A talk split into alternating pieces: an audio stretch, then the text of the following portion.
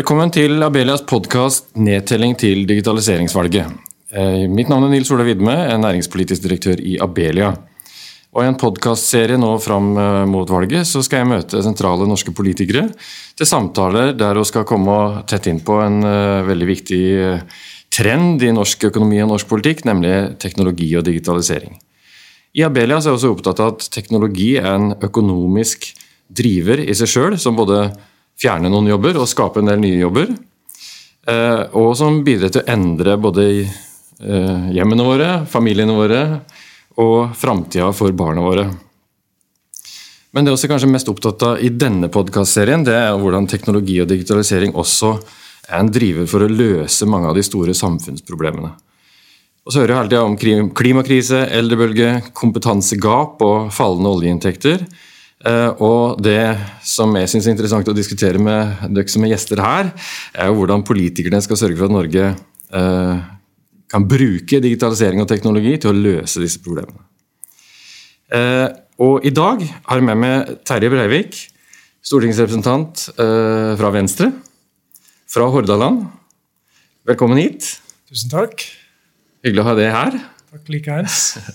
Du har jo lang fartstid i politikken, du, men du har også en eh, historie som eh, både skole- og undervisningsmann. Alle har hørt om at du er musiker, mm. men også IT-gründer.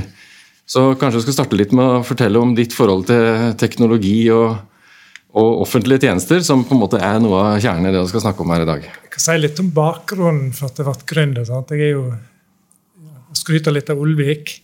Olvik var jo sant, en liten kommune, 1100 innbyggere.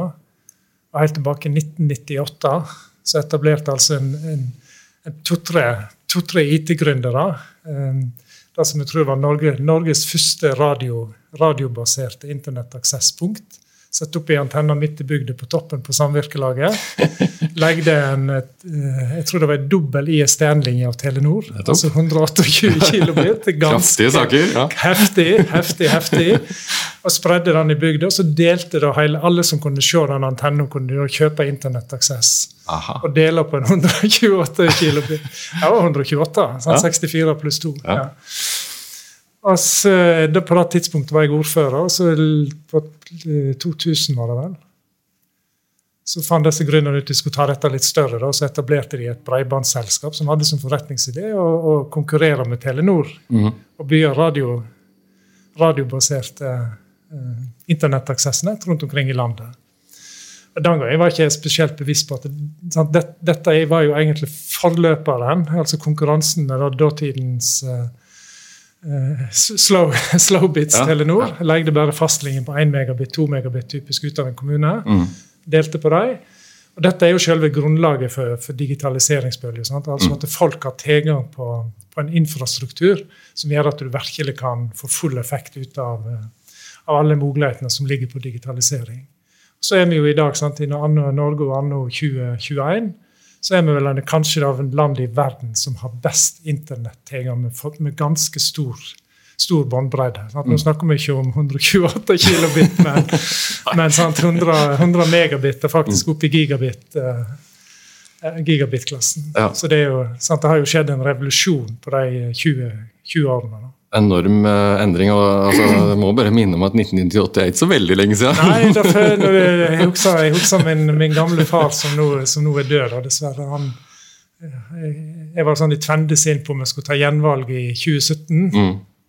Diskuterte med han, for jeg synes Fire år er veldig lenge å bitte seg. Er du på mm. Stortinget, så er du jo låst på Stortinget mm. uansett hva som kommer. Mm. sant? Så sa han Terje, hvis du ser fire, år fram, virker lenge, men ser du fire år tilbake, så ser det som det var i går. Sånn er jo 1998. Ja, ja.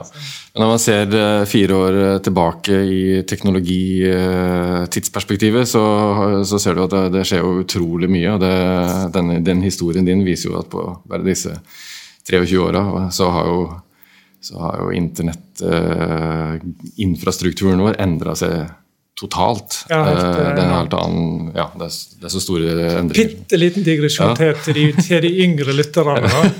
Jeg var jo ordfører sant? 1996, mitt første møte med Internett. Da, da var jo Internett mm. helt fjernt. Mm. Så hadde dere altså Ulvik herad, som det heter, ikke Ulvik kommune, hadde én datamaskin som var kobla til Internett. Altså En dag jeg hadde god tid, så var jeg inn, inn på dette, et sånt maskinkontor og prøvde Internett. Da var det sikkert eh, Sol startside, ja, ja, ja, som liksom var portalen. Så satt jeg og kikka litt på det. Nei, dette er ingenting for meg. og så var jeg ikke på Internett på flere år. så det illustrerer jo litt utviklingen. Ja. Ja, men Jeg husker også sol.no. Jeg er jo fremdeles en ung mann. ja, det er jeg òg, men jeg husker disse tingene. og, og um, Sol.no og, og de, de, store internettboomene den gangen, det var, mange av de var jo uh, sånne portaler der all si, linker til all ja, verdens informasjon var samla ett sted. Det var en veldig attraktiv forretningsmodell. Ja. Men, ja, altså, sitter med et studio sant, som virkelig benytter seg av digitaliseringsteknologi. Jeg, jeg, er jo sjøl av og til i studio og spiller inn ekte politisk rock. Ja. ser vi hvordan disse teknikerne kan trikse og mikse hvis det er et feilslag på tromma. Mm, så fikser du Så i plassen for at uh, trommeslaget må spille inn på nytt, så bare flytter de helt fantastisk. Ja. Så det er jo revolusjon. Og det, og det, det, det, er jo det som er så fascinerende, både, si, både når man ser tilbake, men også er det synes jeg, er utrolig interessant å se framover. Og det er jo liksom litt sånn tilbake til temaet som jeg ønsker å snakke med deg om. er sånn Eh, i framtidsperspektivet. Eh, når du ser hvor mye denne teknologien har endra seg de siste fire åra, så er det jo lett å tenke seg at dette skal fortsette, og, at mulighetene er ganske, ganske mm. enorme. Og, og, der oss uh, i Abelia ser, ser, utrolig mye spennende gjennom de medlemmene som oss har i vår organisasjon, og som oss blir kjent med, det er jo hvilke muligheter de åpner for Eh, en del av kjernetjenestene i samfunnet vårt. Mm. Eh, altså, litt, litt flåste sagt, altså det å drive skole det er jo nå virkelig noe som er i ferd med å bli å disrupteres. Mm. Eh, fordi teknologien gjør at man ikke lenger er bundet av de samme fysiske rammene som man har vært før. En, et klasserom og en lærer og en tavle og et antall elever, det, det, det har vært begrensningene i alle år, i alle kommuner, i alle skoler. Mens, mens nå, nå, sprenges de rammene og mulighetene for å, for å, la barn lære på helt andre måter, begynner virkelig å bli tatt i bruk, og, og kan nå tas i bruk. Mm. Uh, nå er jo jeg, uh, altså jeg er jo lærerunge, som det heter på landsbygda uh, før, i, før i tida, så jeg, jeg, jeg syns dette er litt, er litt, spennende. Jeg har barn i skolen sjøl, så jeg syns det er utrolig spennende å mm. se hvordan, hvordan ungene lærer ufattelig effektivt. De er jo ikke smartere enn foreldrene sine, det er verdt å understreke. for det er så mange, men de lærer så utrolig mye De lærer så utrolig mye uh, raskere med den teknologien som, uh, som tas i bruk. Jeg vet ikke om du Har du har du noe forhold til læringsteknologi? Har du, har du, prøvd disse appene som begynner å poppe opp? Du har helt sikkert prøvd Kahoot og Dropbox? Ja, altså, Kahoot, Kahoot vet jo brukt litt i sånn små, småfestlig samvær når du har samlinger i partiet osv. med quizer og sånn. eh, Så jeg har jo ikke så prøvd det. Jeg har jo òg og eh, sånn, tatt båt, båtførerkurs på, på, nettet, som er òg en veldig godt dømme på. Hvor, mm. hvor jeg, jeg, tok, jeg tok båtførerprøven som valgfag i 9. klasse ungdomsskolen. Mm. Altså for liksom å rekapitulere og få litt update. Så tok jeg det for moro på nettet. Og Det er sant, det viser jo litt mulighetene som er. Du sitter ja. hjemme i godstolen. Ikke bare leser teori, men du får jo teorien inn på en helt annen måte med, med live videoer. og, og um, Sant? Når jeg skal forberede meg til denne iPaden, så sjekker jeg jo litt på hva som rører seg. og Blant annet så fant jeg jo en kjempestor YouTube-kanal ja. som en som heter, uh, heter Khan driver. Eh, som egentlig bare um, bare ja, Sal Khan og skulle egentlig hjelpe kusina si, som sleit i matte. Og lagde liksom et digitalt hjelpeopplegg for henne. Mm. La det ut på YouTube og er nå blitt en av de største, store YouTube-kanalene. Mm. Med noe så, så forbanna kjedelig som mat matematikkundervisning, men som er så viktig. Ja. Sant? Som, mm. og som egentlig også er grunnlaget for, alt, for veldig mye av det som skjer på digitaliseringsfronten. At vi har folk som som virkelig er gode på, på, på grunnleggende matte for oss, å kunne bli gode programmerere og, og se mulighetene. Mm. For Det er klart en robot, er, det er et av de store privilegiene vi har som politikere. Vi reiser jo land og strand rundt og besøker jo alt ifra, ifra små robotiserte gardsbruk til store industribedrifter. og ser, altså, sant, Det er jo egentlig samme roboten, men som da blir dressert å gjøre totalt ulike mm. oppgaver. Mm. Og, og det er jo ikke sant, Ta f.eks. pumpeproduksjon. Mm. Trond Moen, som er jo en av de mest kjente rikingene i dette landet, som egentlig har blitt rik på å selge noe så forbaska kjedelig som pumpe. som pumpe ja. og når du ser hvor robotene sant, de har jo en presisjon som i menneskehånd en, en, mann som står og dreier en manuell dreiebenk, ikke har kjangs. Mm. Så det, er jo, det, jo, det viser jo litt av av den evolusjonen som har vært på ekstremt kort tid. og som jeg, det, er jo ingen grunn til å tro at dette stopper. Tvert imot. Nei, nei. Det, det. Så.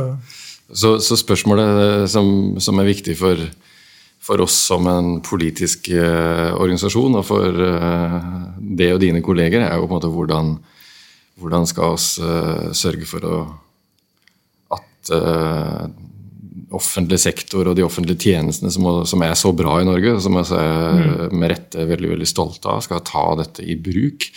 Eh, du, du, nevnte eh, Salkan, og så har jeg et Abelia-medlem som jeg syns er veldig, veldig, morsomt og spennende, som heter Ludenso, som, som eh, også eh, gjennom sånn eh, augmented reality, som det da heter, altså hva skal jeg si, kunstig opphøya virkelighet. Eh, mm. Tilby lærere og elever en software og en infrastruktur eh, for uh, læring uh, der de bygger 3D-modeller virtuelt. Ja. Uh, og altså, Jeg vet ikke om du, du, er kjent med dette selskapet, men jeg virkelig anbefaler å se hvordan Altså, De bygger byer, de bygger hus, de bygger hager. De, de, lærer liksom ok, hvor uh, De putter inn matte og, og materiallære og sånn inn i uh, denne kreative prosessen. og Istedenfor at læring blir noe som uh, læreren sier at når jeg sier at 2 pluss 2 er 4, så skal du lære at 2 pluss 2 er 4. Så lærer elevene gjennom kreativitet. Uh, utrolig fascinerende. Mm. Uh, og jeg har egentlig lyst til å ha en fridag når jeg driver med dette selv.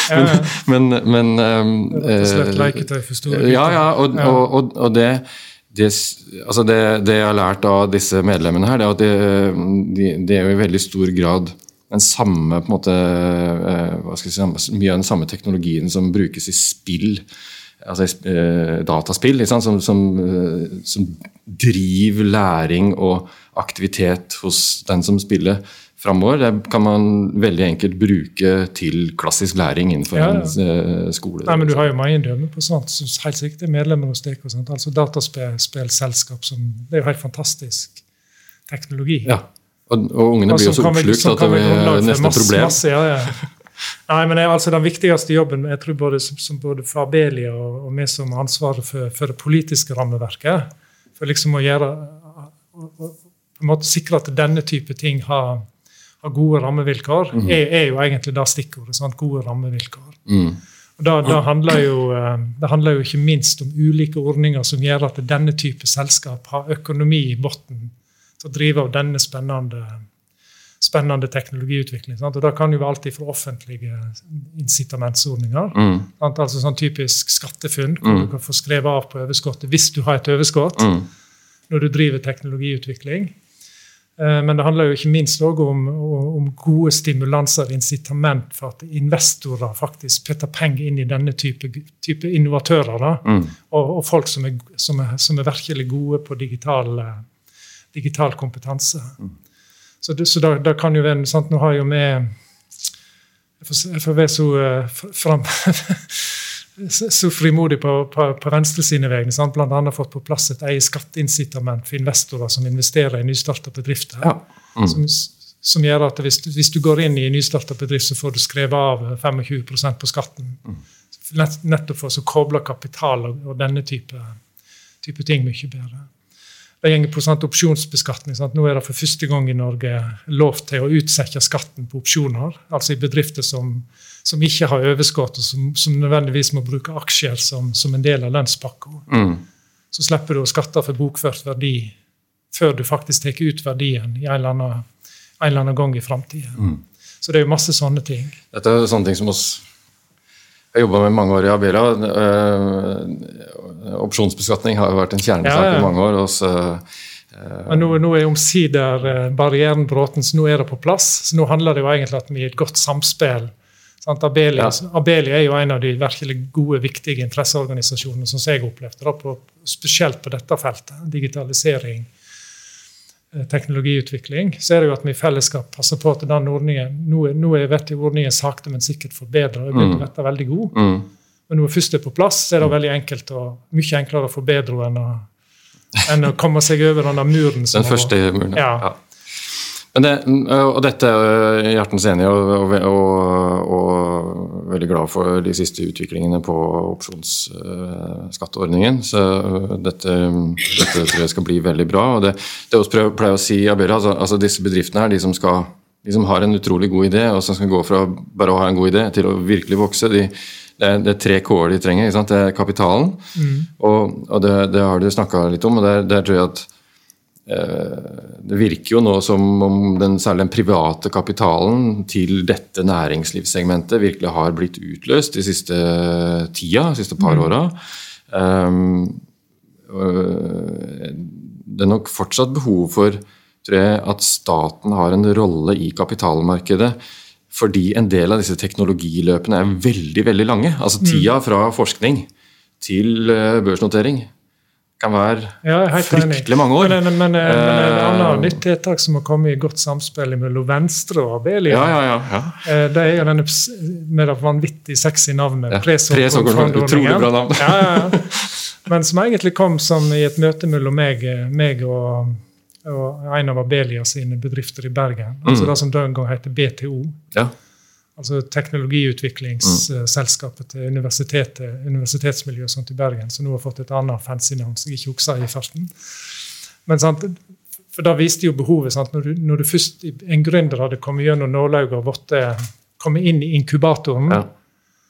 Eh, så, så, måtte de bruke sinnssykt mye, mye tid på å skaffe seg investorer. Så lagde vi egen såkornfondordning som da, for å ta ned risiko, kun var retta inn mot de gründerne eller de nystarta selskapene som kommer gjennom nålauget til inkubatorene mm. i Abelia-systemet. Mm. Så den, den, har jo, den har, jo, da har du virkelig generert Du har mangedobla de statlige innsatsfaktorene. Mm.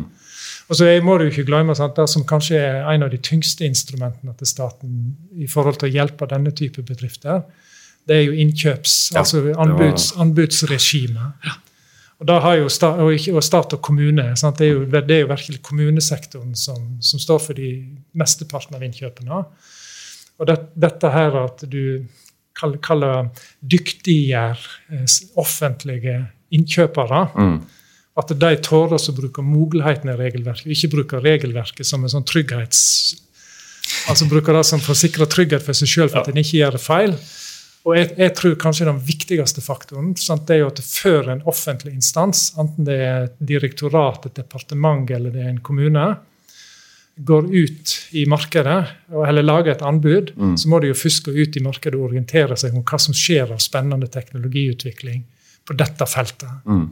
Og så må de, sånn, sånn, at du sikrer deg at innovatører, de som virkelig ligger i tet, kan levere inn et anbud, ja. og at ikke du velger sånne her eh, hylleløsninger, ja, ja. og så ødelegger du totalt for nyskaping. Ja, det som er problemet eh, altså eh, jeg nevnte disse tre K-ene. Kapital, eh, kunnskap, tilgang på kompetent arbeidskraft. Eh, det er jo antagelig etter, i framtida et av de største hindrene våre. Å få nok av de flinke folka inn i mm. dette startup-segmentet. Men nå snakkes om den tredje K-en, nemlig kundene. Interaksjon med kundene. Mm. og der, der tror jeg at det offentlige virkelig må gjennomtenke sin rolle uh, på nytt. Ikke bare hva skal jeg si, som et grep for å hjelpe Abelia sine medlemmer, det, det, oss, det, det er også veldig mm. opptatt av, men også for å hjelpe seg selv til å utvikle sin egen kjernetjeneste, altså skole, helsevesen, mm. hva det måtte være. Ja, ja, ja. At, at, man sørger for at det ikke er sånn at uh, det er gårsdagens løsninger som også definerer nye anskaffelser. Og regelen om offentlige anskaffelser har, har litt bakgrunn i den bransjen. Altså det, det, er, det, er, som du sier, enten så er det et verktøy for utforskning, vi forsøker noe nytt, mm. eller det er et verktøy for å uh, dekke sin egen rygg, hvis man mm. vil det. Ja, så, så, alle som leter etter svar på denne hvordan skal det offentlige skape mer innovasjon. De som leter etter svar på det i regelen om offentlige anskaffelser, de leter etter mitt syn på feil sted. Mm. For Det handler nettopp, som du sier, om å Istedenfor å bestemme vi skal ha det samme produktet som vi kjøpte i fjor, mm. og si hva er det vi kan få til nå, hvis vi snakker med noen som kanskje ikke har blitt hyllevare enda, men som ligger i front. Mm. Hvordan kan vi samarbeide med de? Kanskje de, de trenger en kunde å teste produktet sitt på. Og så kan vi få et innovasjonsfremmende samspill. Ja, ja. Dette eh, selskapet som jeg nevnte, Ludenso, de har jo vært med på en sånn testbed, som det kalles, eh, i Sverige. Og det å, å, utforske, eller å utvikle det som en si, innovasjonsfremmende metode i, i Norge, det er også noe som oss i Abel er veldig opptatt av. Altså, testbed det, det, er jo bare at man hva skal jeg si, lager en litt sånn avgrensa prøvingsarena. Mm. der i tilfelle læringsteknologi, eh, en skole er med å teste ut. Eh, en produktleverandør får lov å prøve og feile. Mm. Og til sammen så får de lov å utvikle eh, noe som både er bra for skolen, og kan skaleres opp til resten av skolevesenet. Og for bedriftene som er med, produktutvikling. Og det der er man mye mer bevisst på, det er i hvert fall vår opplevelse, mye mer bevisst på en del av nabolandene våre. Og Det handler nettopp om å gå, gå forbi denne klassiske anskaffelsesmetodikken 'vi vet hva vi skal ha, vi går nå og kjøper det', mm. til vi må finne ut hva vi skal ha om fem år og om ti år. Ja, sammen sant, med innovatørene. Men, men, dette tror jeg handler mest egentlig om, eh, om at vi er flinkere til å dyktiggjøre innkjøperne. Mm. Altså Regelverket har jo nå blitt bedre, betydelig bedre. Mm. Det er det. Parallellen er jo egentlig hvis du skal søke om byggeløyve. Forskjellen på ingeniøren som hjelper deg å se etter muligheter og yte service, og mm. ingeniøren som bare bruker lovverket til å og ved vond og vanskelig. Mm. Så, du, så, det er, litt, det er veldig parallellitet i det. Mm. Og Da handler det om å på en måte dyktiggjøre den innkjøperen til å virkelig ha selvtillit og være trygg nok i rollen sin, mm. til at du før, før du i hele tatt begynner tanken på anbudsbeskrivelsen, så må du ut og se hva som rører seg av spennende nybrottsarbeid mm. på dette feltet. Mm. Og så tror jeg det handler om at vi, altså, her kan jo vi, vi som representerer det nasjonale politiske nivået, og legge inn incitamentsordninger for, for kommun, kommunale innkjøpere. Sant? Altså at de, kommunene rett og slett kan få en belønningsordning. Um, bli belønna når de er flinke på å bruke mulighetene og, og ja. bruke anbudsregimet til, til ny, ny, teknologiutvikling. Mm.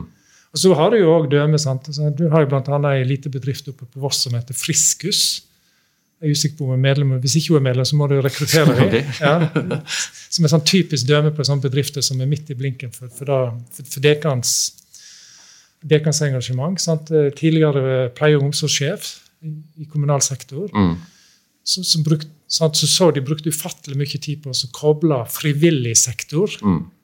Og for, for å hjelpe dem med for liksom at de kunne bidra og, og, gi en bedre innhold i hverdagen for de som bor på kommunale institusjoner. Da, og så hoppet hun av, starta i Friskus, utvikla et dataprogram som nå kobler frivillig sektor og, og kommunale sykehjemmer på nettet. Ja.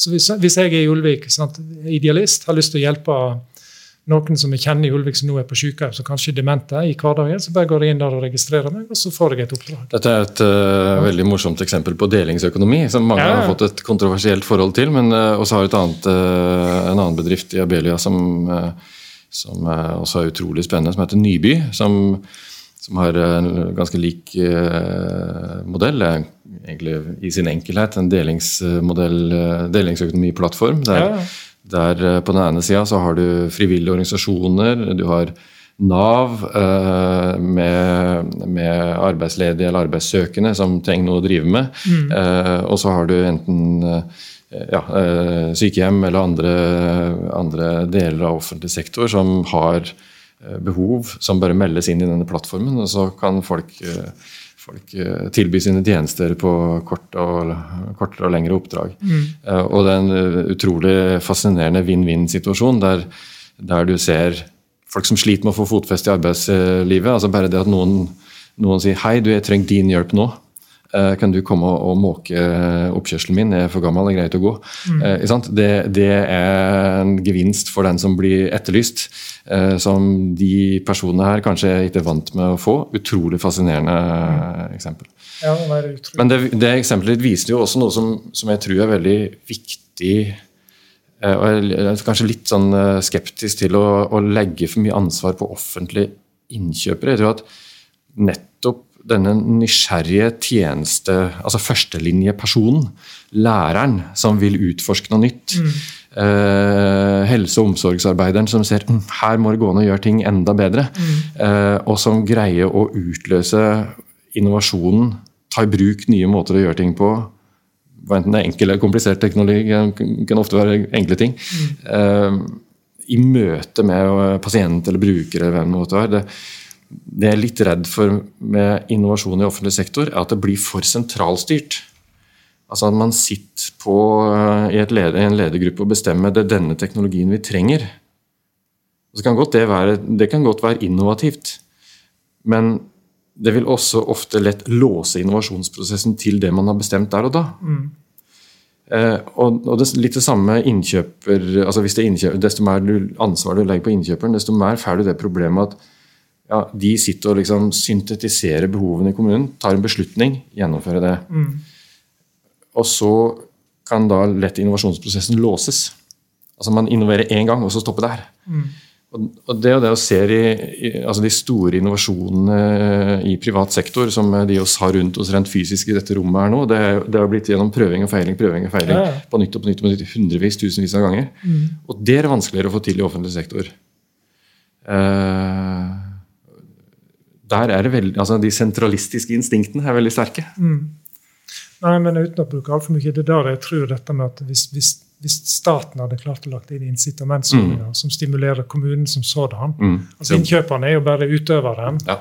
Men det er klart, dette er, dette er jo det er jo egentlig kommunestyre, rådmann, ordfører, formannskap som på en måte må ta de overordna og, og virkelig være framoverlente. Altså, å tåre å ta mm. risikoen på mm. å sjekke markedet eh, og hva som, hva som skjer før du, før du, setter rammene. Mm. Eh, men det betyr jo at de, jeg vil tro at de fleste, de fleste offentlige innkjøpere, og sikkert også i veldig mange bedrifter, har fremdeles et stort uforløst potensial å gjøre grunnarbeidet mm. før, du går ut, før du går ut og innhenter et anbud. Mm. Altså rett og slett. Helt sikkert, ja. Bruker vel så mye tid på å sjekke hva som rører seg av spennende ting. Ja. Eh, sånn at ikke du, sånn at ikke du låser mulighetene før du, har, før du, har, gått ut i markedet. Det er Så, veldig sentralt. Men, men sant, um, for Venstre, Venstre er jo et parti som, som er jo veldig sånn teknologioptimister. Og, mm. og, og Rolla offentlige det handler jo egentlig stort om denne, altså legge rammevilkår som gjør at det er virkelig, virkelig et eldorado for denne type innovatører og, og mm. folk som kan det. da.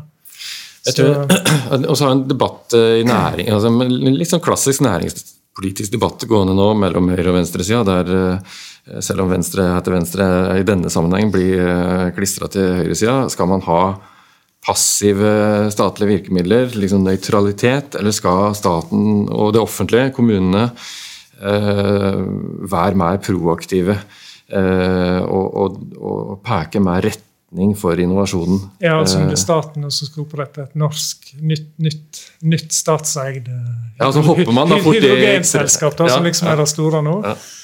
Nei, jeg, jeg, tror svaret på det er utvetydig nei. Mm. Altså, det det, er, jo naivt å tro at vi altså stortingsrepresentanter er bedre enn alle de som er, sånn som de som er ute i et marked. Ja som hver dag har presset på at du, du, må faktisk, du må være best i klassen, du må tjene penger, ellers overlever du ikke. Mm.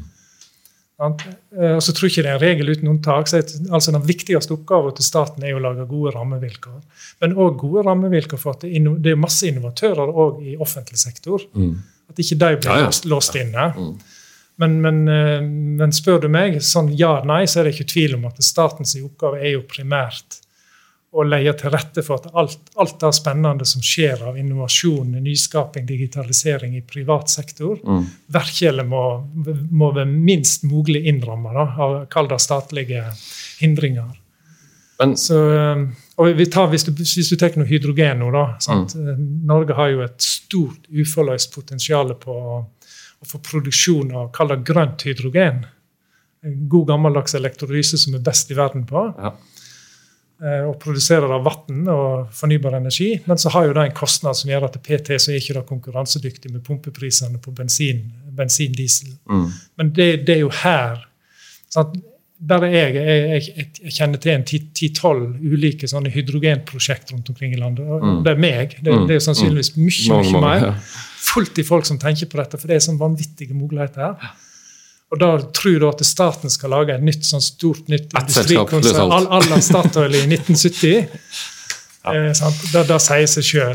Jeg synes Denne diskusjonen altså, vi må snart gå inn for landingen, men det, dette er jo en veldig interessant diskusjon. fordi det, det er nettopp her altså jeg, jeg, tenker at Det er et sånn politisk systemutfordring og det er dilemma. altså eh, Alle vil ha kraftig innovasjon. Vi vil ha innovasjon som løser klimakrisen, som mm. gjør, skaper en bedre skole, løser eldrebølgen. Ja, ja.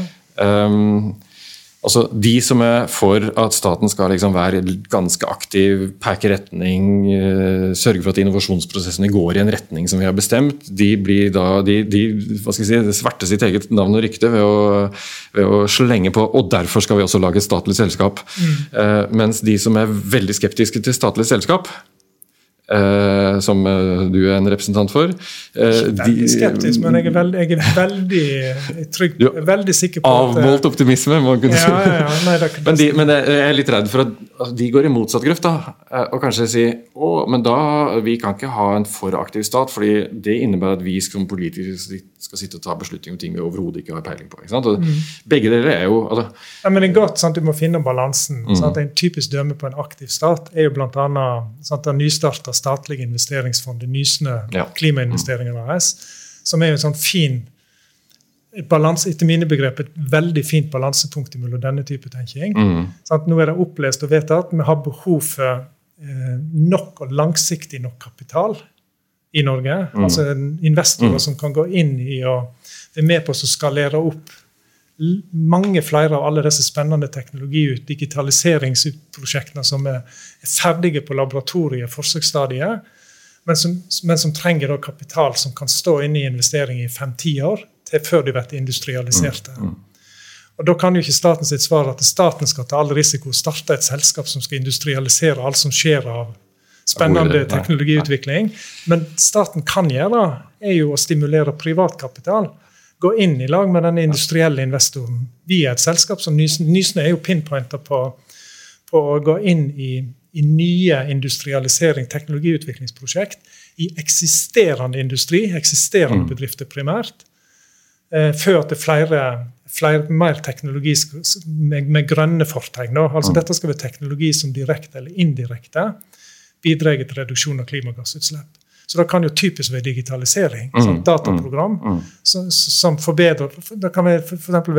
et, et robot, robotprogrammering som gjør at du får mer effekt ut av en båtpropell. Mm. Som, som, gjør den, som, gjør at den, trenger mindre hydrogen for å etc. Ja. Så det er, det, det er jo det som er statens rolle. sant? Mm. Og, og, det er jo en måte, måte at du, du, bruker statens virkemidler. Og, og, som jeg sa innledningsvis, sant? altså eh, SkatteFUNN-ordningen, altså um, brukerstyrt forskning, men, men, men, du må ikke glemme, grunnforskningen. Grunnforskningen og grunnbevilgningsordningen til forskningsinstituttene som på en måte er grunnmuren for at de òg skal ha fridom mm. til å hjelpe, hjelpe næringslivet. Da, sant?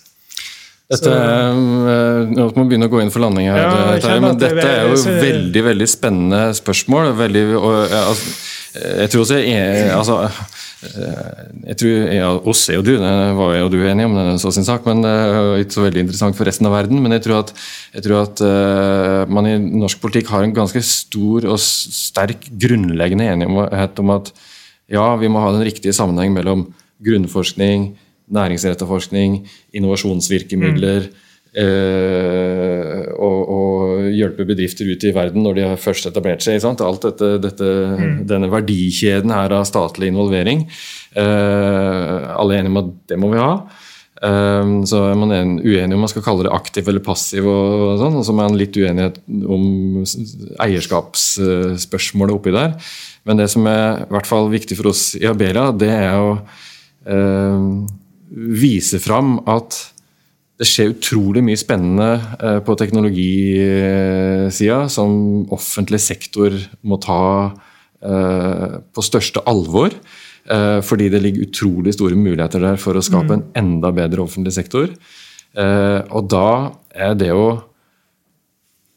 supplere dette alminnelige virkemiddelapparatet og forskningsinfrastrukturen som vi har, med en virkelig innovasjonskraft i samspillet mellom offentlig sektor som bruker og kunde eh, og disse leverandørene, utrolig viktig. Mm. Der er en jobb å gjøre for politikerne i framtida, etter min mening. Ja, og det gjør vi jo med glede, og ikke minst i, i tett samspill med Abelia. Abelia opplever jeg som en veldig sånn, konstruktiv, uh, konstruktiv samarbeidspartner og lobbyist. som gjør en veldig god jobb på vegne av, av teknologiutvikling og medlemmene sine. Og Med disse glitrende ord, Terje, så sier jeg tusen takk for denne praten. Veldig hyggelig å treffe deg. Lykke til med valgkampen. Thank you.